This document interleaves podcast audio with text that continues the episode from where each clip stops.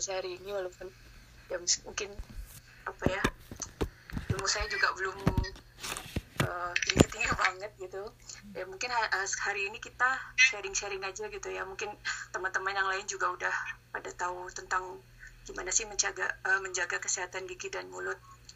Uh, jadi apa sih penting kenapa gitu kita uh, harus menjaga kesehatan gigi dan mulut? Kan yang tadi udah dibilang juga sama MC-nya uh, padahal uh, itu kecil kok ada dokternya sendiri dokter khusus gigi dokter gigi gitu. Padahal kan itu ya kenapa nggak sama dengan dokter umum aja. Terus ada, kadang kami juga banyak dulu waktu kuliah itu ada yang bilang oh, kok cuma ngurusin gigi dan mulut aja tapi kok kuliahnya lama enam tahun kayak gitu. Kadang kita juga agak-agak down kalau dibilang kayak gitu. Nah ternyata uh, gigi dan uh, gigi dan rongga mulut itu itu memegang peranan penting ya walaupun dia hanya salah satu bagian kecil dari tubuh kita tapi itu sangat uh, berperan penting dalam kesehatan kita secara general gitu.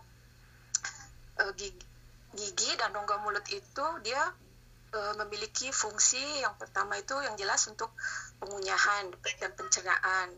Terus yang kedua itu untuk uh, fonetis ya. Kita kalau bicara itu kalau yang dengan giginya lengkap dengan yang giginya tidak lengkap itu kan berbeda ya.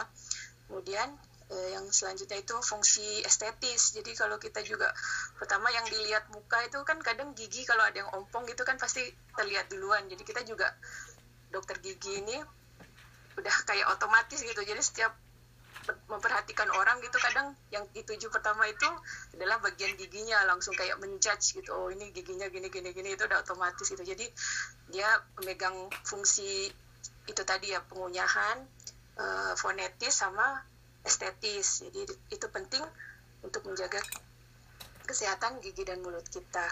Nah, uh, yang kita tahu di uh, rongga mulut dan gigi, lidah dan semua yang ada di rongga mulut itu karena dia itu selalu terbuka ya dan terpapar oleh lingkungan luar itu pasti uh, akan terpapar oleh bakteri, kuman dan sebagainya.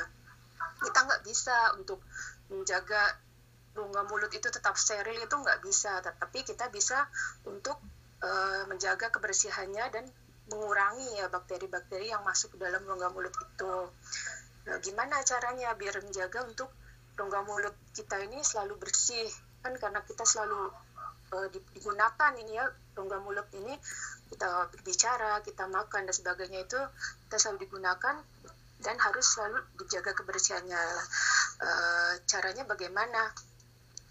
Yang pertama tentu saja yang uh, kita bisa membersihkan gigi dan rongga mulut itu dengan menyikat gigi. Itu yang cara yang utama ya. Menyikat gigi itu setiap hari itu wajib gitu biar gigi uh, dan rongga mulutnya bersih. Yang kedua itu uh, kayak uh, seperti apa? Kayak uh, yang tadi utamanya um, menyikat gigi yang kedua bisa dengan berkumur-kumur, bisa dengan obat kumur ataupun dengan uh, larutan pembersih yang lain. Yang ketiga itu uh, tambahannya juga bisa dengan uh, dental floss atau benang benang untuk membersihkan gigi itu ya. Nah, apa akibatnya kalau kita tidak menjaga kebersihan gigi, kita malas mengikat gigi atau kita uh, setelah makan atau sebelum tidur kita tidak rajin menyikat gigi, tidak rutin menyikat gigi itu ada beberapa penyakit yang bisa timbul ya. Kalau kita bersama seperti kalau kita tidak menjaga kesehatan badan itu kotor kayak gitu kan pasti banyak kuman-kuman yang ada di dalam rongga mulut itu sebenarnya banyak sekali ada lebih dari 700 spesies bakteri, jamur dan sebagainya. Nah, tetapi uh, bagaimana kita mengurangi bakteri-bakteri itu dengan uh, menyikat gigi, menjaga kebersihan gigi itu sehingga tidak sampai timbul penyakit. Nah, beberapa penyakit yang sering timbul di rongga mulut itu dan menyerang gigi dan rongga mulut itu yang pertama yang uh, paling umum itu ya gigi berlubang atau kita istilah kedokterannya karies gigi berlubang itu dari anak kecil itu pasti banyak gitu yang kita lihat anak-anak giginya sudah berlubang hitam-hitam gigi depannya habis masih kecil sampai orang dewasa juga pasti pernah gitu giginya berlubang. Adalah paling nggak satu itu giginya ada yang berlubang uh, penyakit gigi yang lain itu radang radang gusi atau kita istilahnya gingivitis. Itu tandanya di gusi kita yang merah ini yang warna pink ini itu gusinya bengkak-bengkak biasanya terlihat lebih merah. Kan kalau misalnya gigi yang uh, gusi yang sehat itu warnanya uh, merah tapi nggak terlalu merah banget pink agak merah gitu. Itu yang sehat.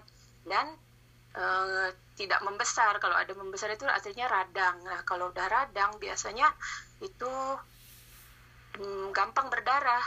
Jadi walau kita menyikat gigi walaupun sikat giginya nggak terlalu keras gitu ya, itu berdarah. Ataupun yang kalau misalnya sudah parah itu radang gusinya bisa dia berdarahnya tiba-tiba. Jadi kita diam lagi diam gini atau lagi tiba-tiba lihat oh kok tiba ada keluar darah ya kayak gitu. Nah, itu berarti radang gusinya itu sudah parah. Uh, penyakit lainnya mungkin apa ya? Yang paling umum itu ini bau mulut. Bau mulut itu juga salah satu penyakit ya dia. Walaupun kita sudah sikat gigi gitu misalnya kita setiap makan mau tidur itu sikat gigi. Terus tapi kok rasanya bau ya mulut kita ini bau terus gitu walaupun udah pakai obat kumur. Nah itu juga salah satu penyakit karena uh, bakteri kita uh, di rongga mulut itu kemudian selanjutnya itu nah kalau bagaimana cara menjaga kesehatan mulut? Yang pertama tadi yang utamanya kan menyikat gigi ya.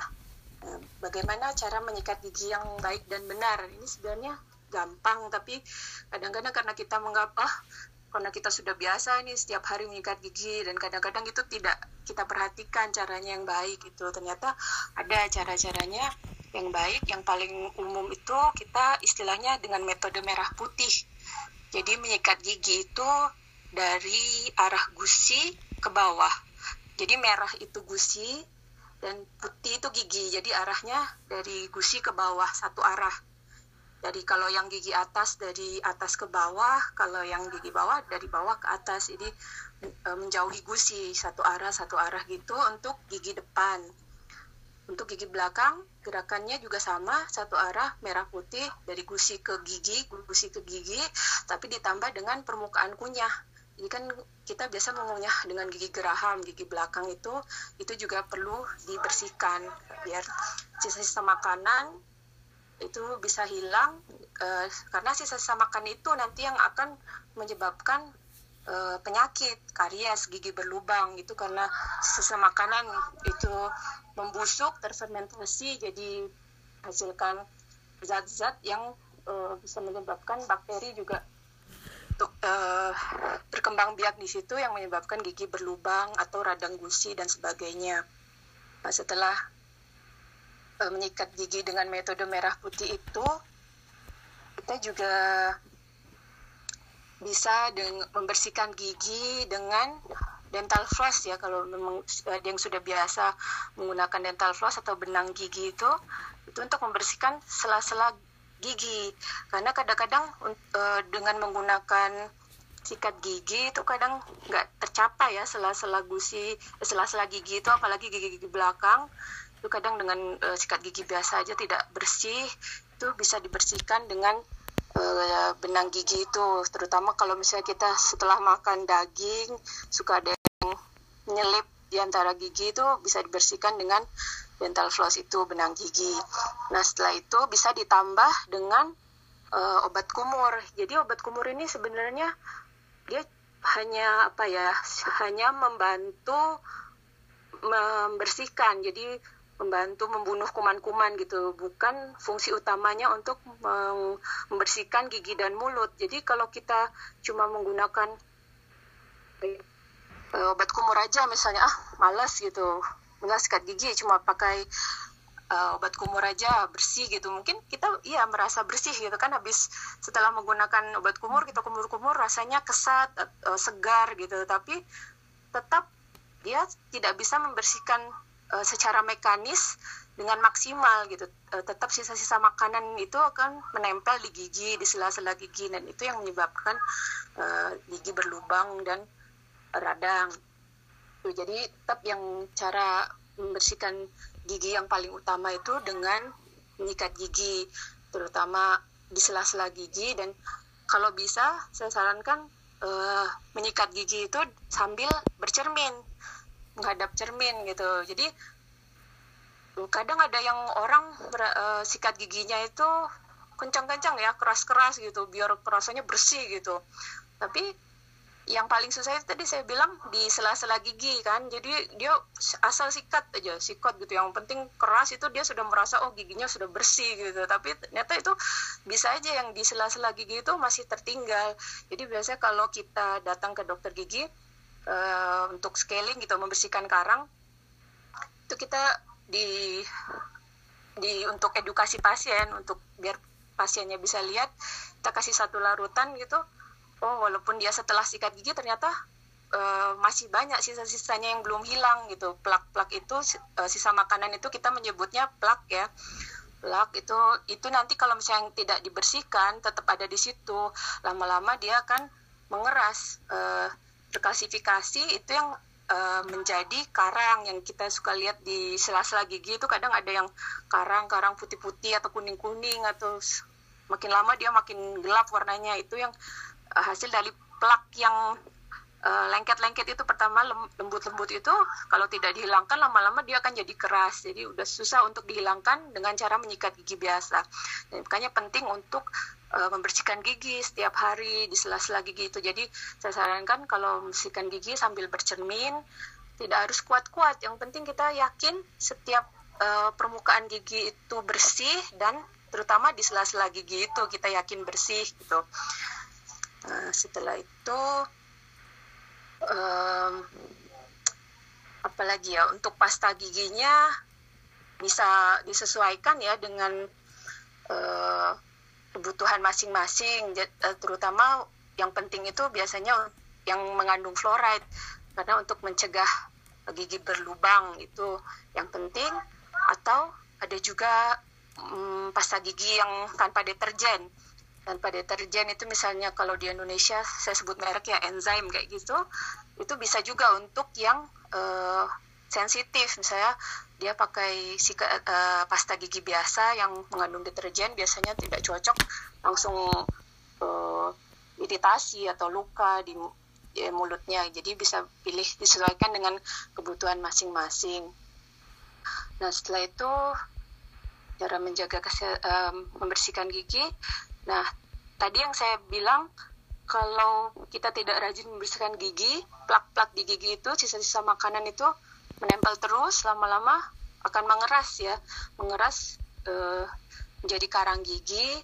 Itu yang sudah susah dibersihkan sendiri dengan sikat gigi itu biasanya tidak akan hilang karena dia sudah menempel keras di gigi, tidak bisa dihilangkan. Itu adalah sarang kuman. Jadi kuman karena dia tidak hilang jadi kumannya juga bersarang di situ berkembang biak di situ dan akan menyebabkan uh, penyakit uh, bertambah parah gitu. Jadi bisa menyebabkan uh, gigi berlubang dan terutama juga radang gusi. Jadi gusinya pasti akan terlihat merah gampang berdarah biasanya tanda-tandanya seperti itu. Uh, yang terlihat ya tapi kalau misalnya tetap dibiarkan terus itu di dalam gusi itu ada tulang. Tulang rahang ini itu yang tempat gigi kita tertanam.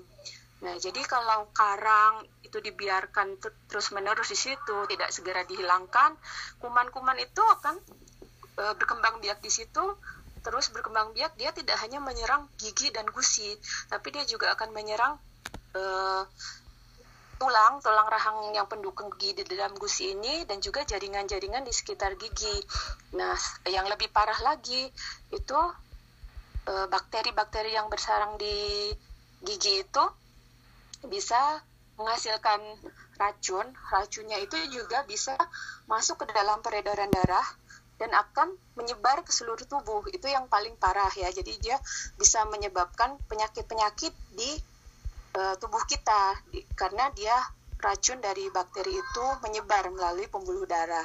Nah, oleh sebab itu makanya uh, walaupun terlihat sepele ya dari oh cuma sedikit gitu, tapi ternyata diam-diam itu bisa menyebabkan penyakit lagi, penyakit sistemik di uh, biasanya jantung ataupun uh, pokoknya yang berhubungan dengan pembuluh darah kan pembuluh darah ini menyebar ya ke seluruh tubuh. Nah, dia racun dari bakteri ini akan bisa menyebar ke jaringan tubuh lain dan menyebabkan uh, penyakit di, di uh, tempat lain gitu. Jadi itulah pentingnya menjaga kebersihan gigi dan mulut.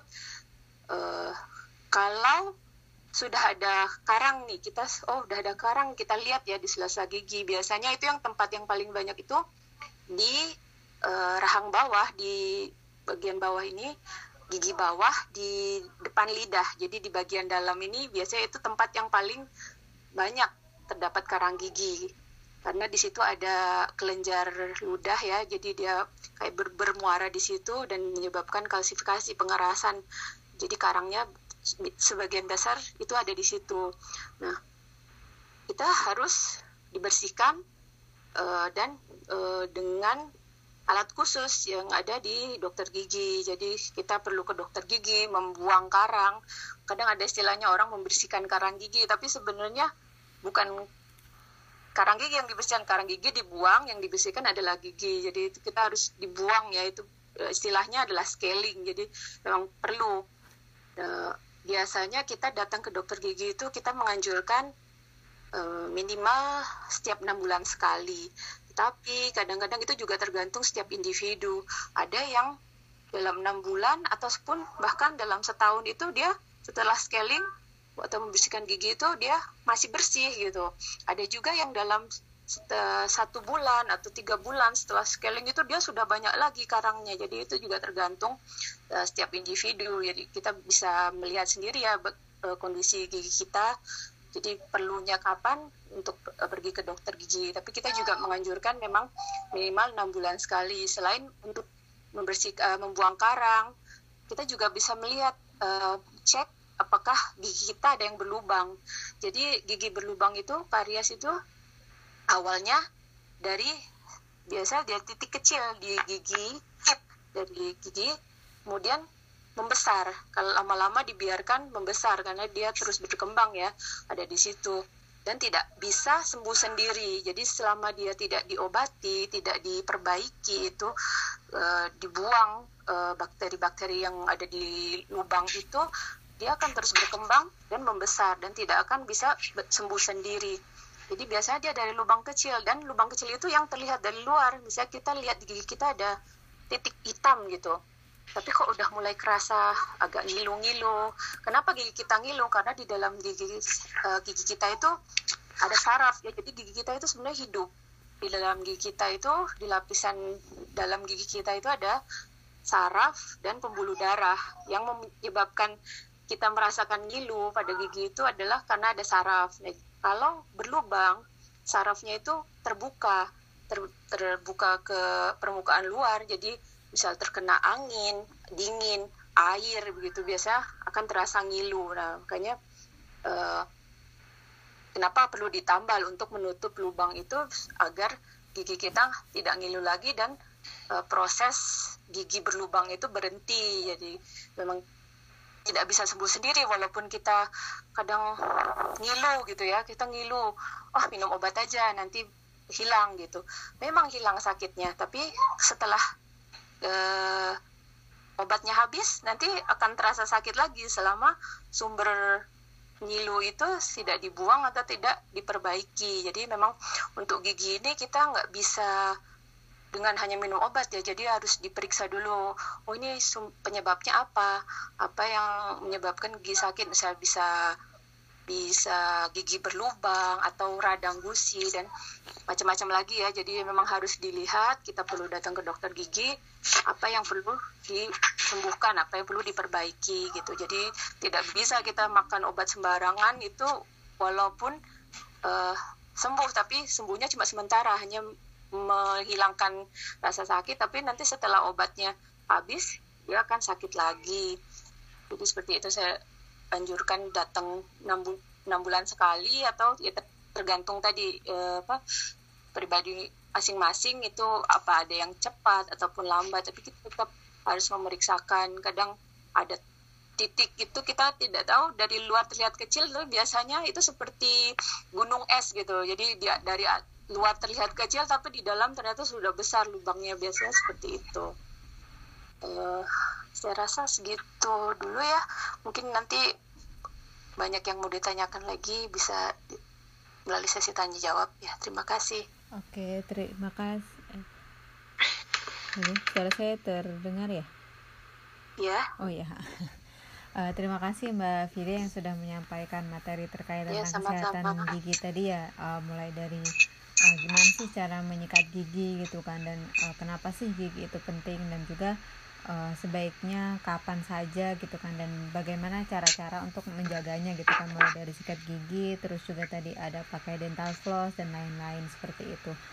Nah uh, mungkin di sini mbak-mbak ada yang ingin tanya gitu kan lebih jauh terkait apa namanya kesehatan gigi ini gitu sehingga uh, diskusinya bisa lebih hidup gitu kan mungkin di sini juga ada yang sudah punya anak dan kan kadang anak-anak itu giginya suka hitam gitu ya istilahnya ya. Adik saya yeah. juga istilahnya dia giginya tuh uh, hitam-hitam gitu kan. Meskipun nanti tumbuh gigi baru gitu. Nah uh, gimana sih dari anak kecil ya mungkin ya biar bisa membiasakan dan juga biar giginya bagus dari kecil kayak gitu. Mungkin ini uh, saya coba tanya dulu aja kali ya Mbak Vidya ya gitu kan sambil ya, menunggu ya. yang lain gitu kan. Uh, yang terkait tadi yang apa namanya gigi biar anak, ya. membiasakan ya? gigi anak gitu karena itu yeah. biar apa namanya karena rata-rata tuh anak-anak giginya giginya hampir hitam semua gitu kan yeah. gimana sih gitu biar membiasakan mereka uh, sikat gigi gitu kan dan sebenarnya uh, mungkin dari makanan juga dan lain-lain gitu nah untuk apa untuk anak-anak itu kira-kira kiatnya seperti apa mbak Vidya iya benar sekali mbak jadi emang salah satu apa ya fenomena di anak-anak yang sering kita lihat itu giginya apa sih kalau istilahnya di Indonesia itu ripis atau apa itu saya lupa ya istilah Indonesianya itu. Jadi giginya itu habis semua ya bagian depan itu. Kalau kalau tersenyum ketawa itu pasti iya. kelihatan khas sekali ya gigi giginya habis itu habis biasanya. Ya uh, gigi depannya habis hitam-hitam tinggal kecil-kecil gitu. Nah itu kita juga ada istilah khusus namanya rampan karies. Jadi hmm. memang uh, anak-anak itu sering terkena karies gigi berlubang itu gigi berlubang ya.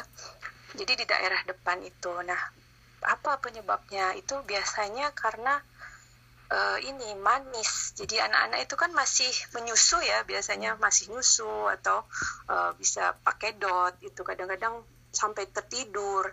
Nah itu yang menyebabkan giginya itu jadi berlubang di bagian depan itu.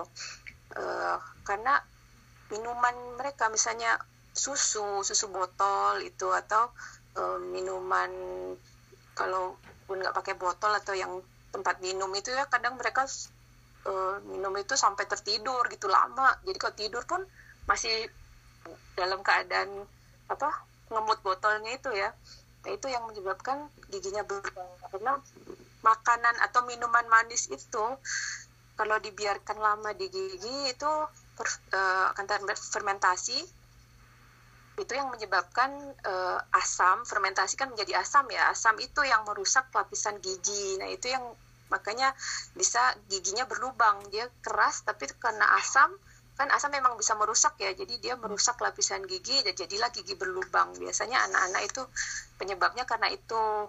Jadi memang sebaiknya jangan dibiasakan anak-anak itu tidur sambil min, uh, apa minum botol itu minum susu dalam botol itu sampai tertidur gitu. Itu kan nanti uh, susunya minuman manisnya itu atau minuman teh misalnya mereka minum itu itu yang bisa menyebabkan giginya berlubang. Itu kan lama di dalam mulut. Ya itu yang uh, menyebabkan gigi berlubang. Jadi jangan dibiasakan. Kalaupun misalnya susah gitu ya anak-anak susah lepas dari botolnya itu nggak bisa tidur itu bisa diganti. Misalnya air putih jangan yang manis-manis ya.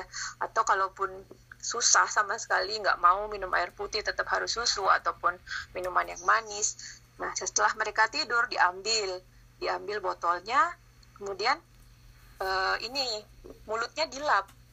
Mulutnya dilap kita ambil kain bersih ataupun uh, apa ya itu kalau pernah lihat uh, sikat gigi yang untuk anak-anak itu yang kita taruh di jari kita bentuknya kayak plastik gitu tapi uh, di ujungnya itu ada kayak permukaan sikatnya sampai uh, kenyal-kenyal gitu.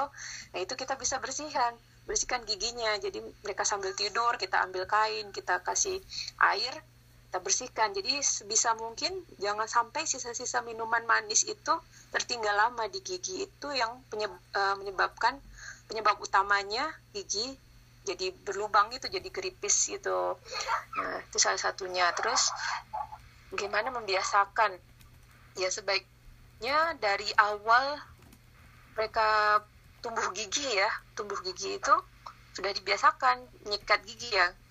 Bisa pakai uh, sikat gigi yang kecil atau yang kalau misalnya masih bayi-bayi gitu kita pakai yang sikat gigi yang tadi saya bilang bentuknya karet gitu kita masukkan ke dalam jari terus kita mulai sikat-sikat. Jadi sedini mungkin kita ajarkan untuk uh, menyikat gigi. Kalau misalnya lihat uh, anak-anak sekolah di sini ya dari Ciwon apa TK-TK itu mereka sudah dibiasakan. Jadi setiap makan pasti ada setelah itu ada menyikat gigi menyikat gigi bersama gitu. Jadi mereka sudah terbiasa menyikat gigi dari kecil.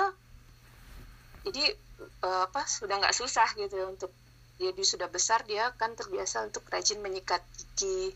Gitu ini ada lagi yang mau ditanyakan Iya mbak mbak bagaimana? Oh ini mbak Dina sedang mengetik mbak. Kita tunggu ya.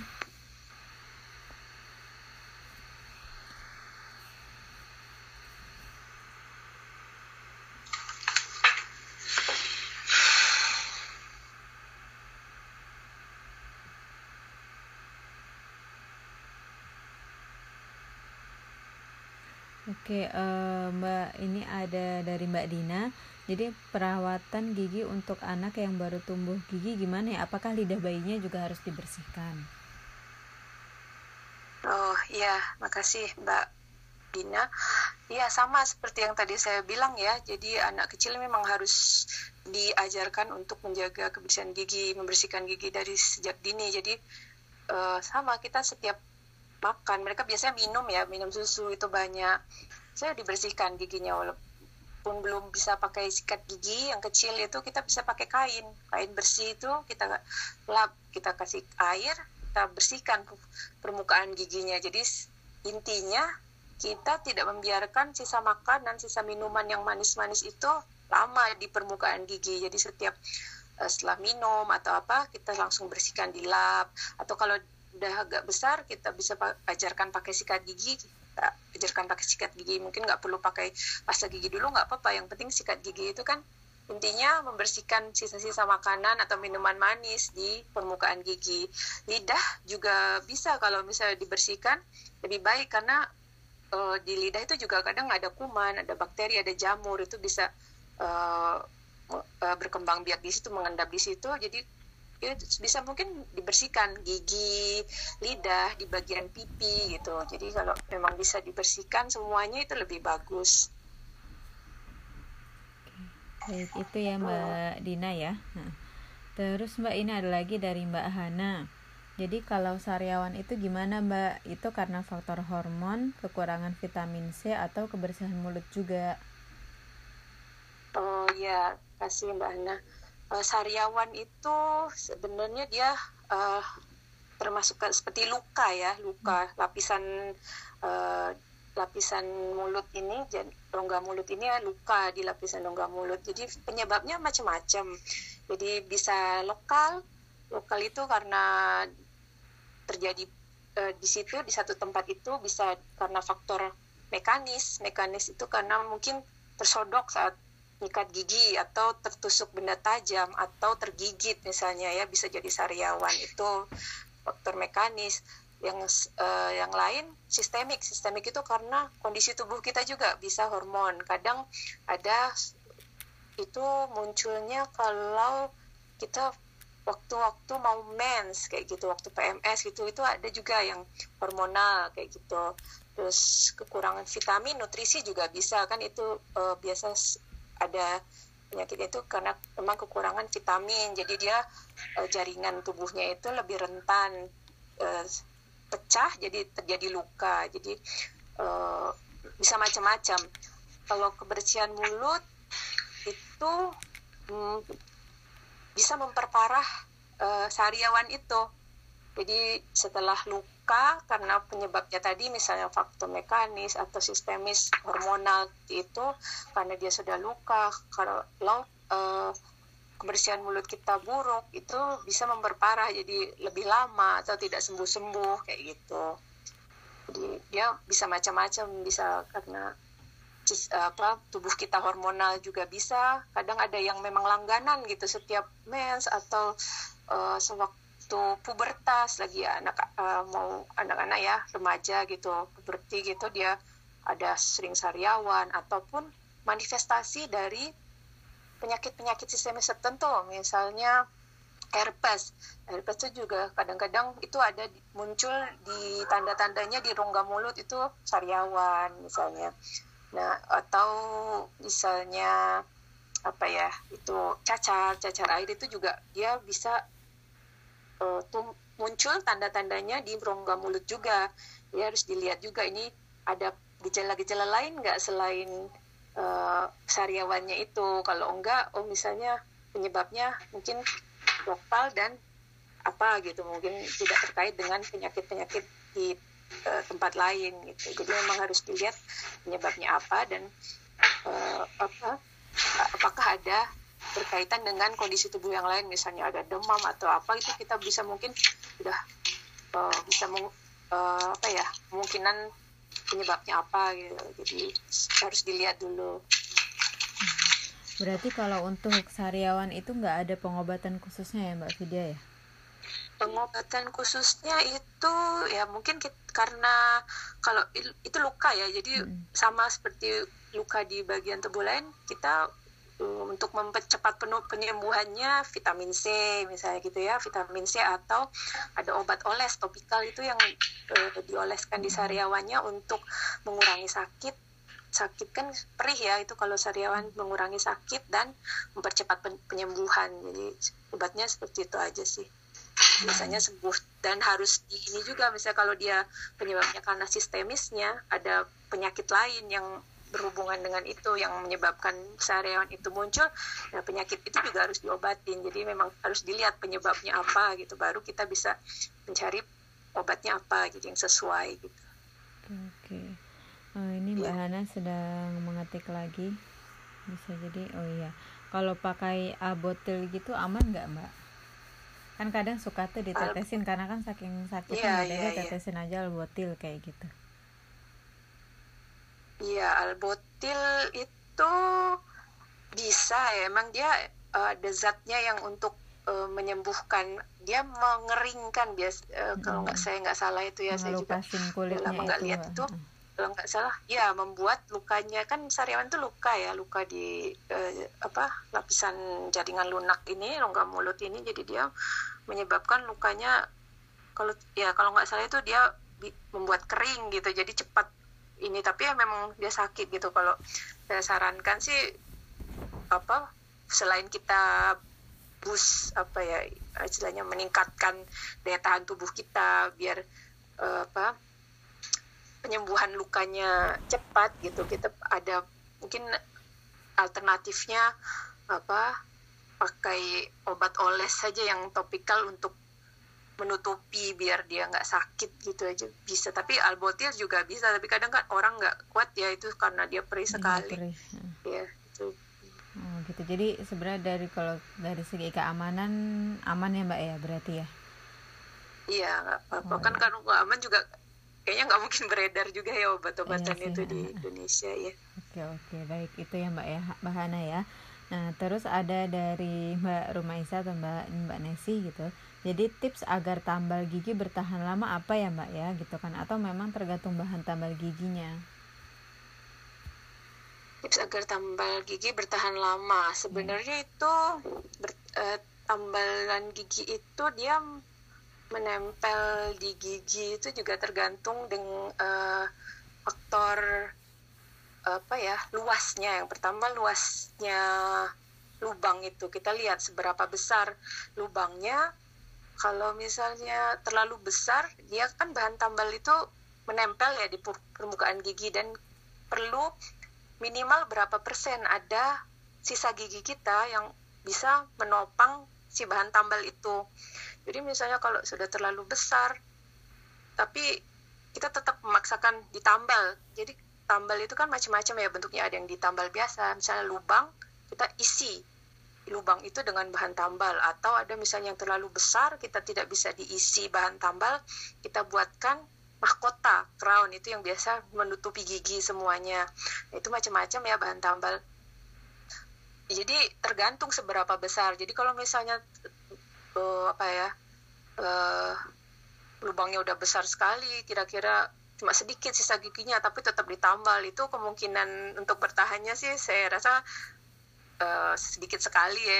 Bi mungkin bisa tapi kalau berdasarkan teori kita melihatnya ini sepertinya nggak akan bertahan lama gitu. Terus uh, tergantung uh, operatornya juga dokternya juga. Misalnya dia biasanya kita ada teknik-teknik untuk membuat sebelum masukkan apa bahan tambalan itu kan biar dia istilahnya mengunci giginya itu sisa gigi yang ada itu mengunci bahan tambalan itu agar bertahan lama itu ada jadi bisa faktor macam-macam dari giginya atau dari faktor operatornya dokter giginya atau memang bahan tambalnya juga berpengaruh. Jadi ada yang bahan tambal itu macam-macam ya. Ada yang warnanya putih yang sekarang banyak itu atau yang zaman dulu sering digunakan itu uh, yang amalgam itu yang metal itu ya. Jadi itu juga bahan tambal itu kekerasannya juga beda-beda.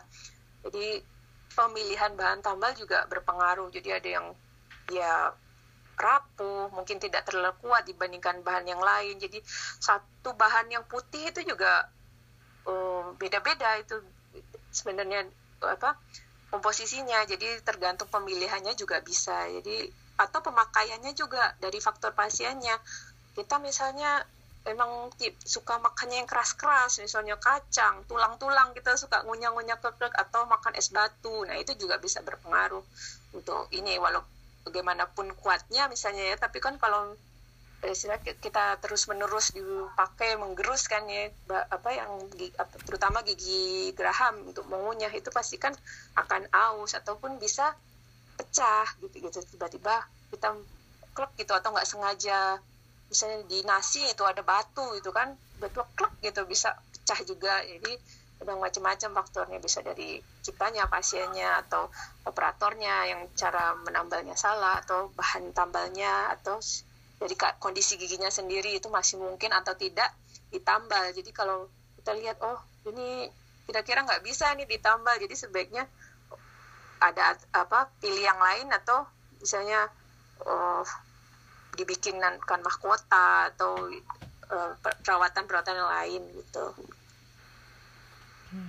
itu ya Mbak Nesih ya, ya. dari jawaban Jadi, dari Mbak uh, ini juga ya misalnya salah satunya juga kita faktor makanannya juga di selain yang hmm.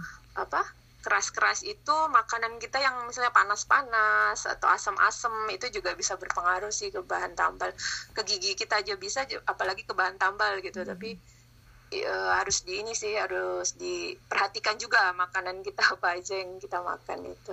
Okay.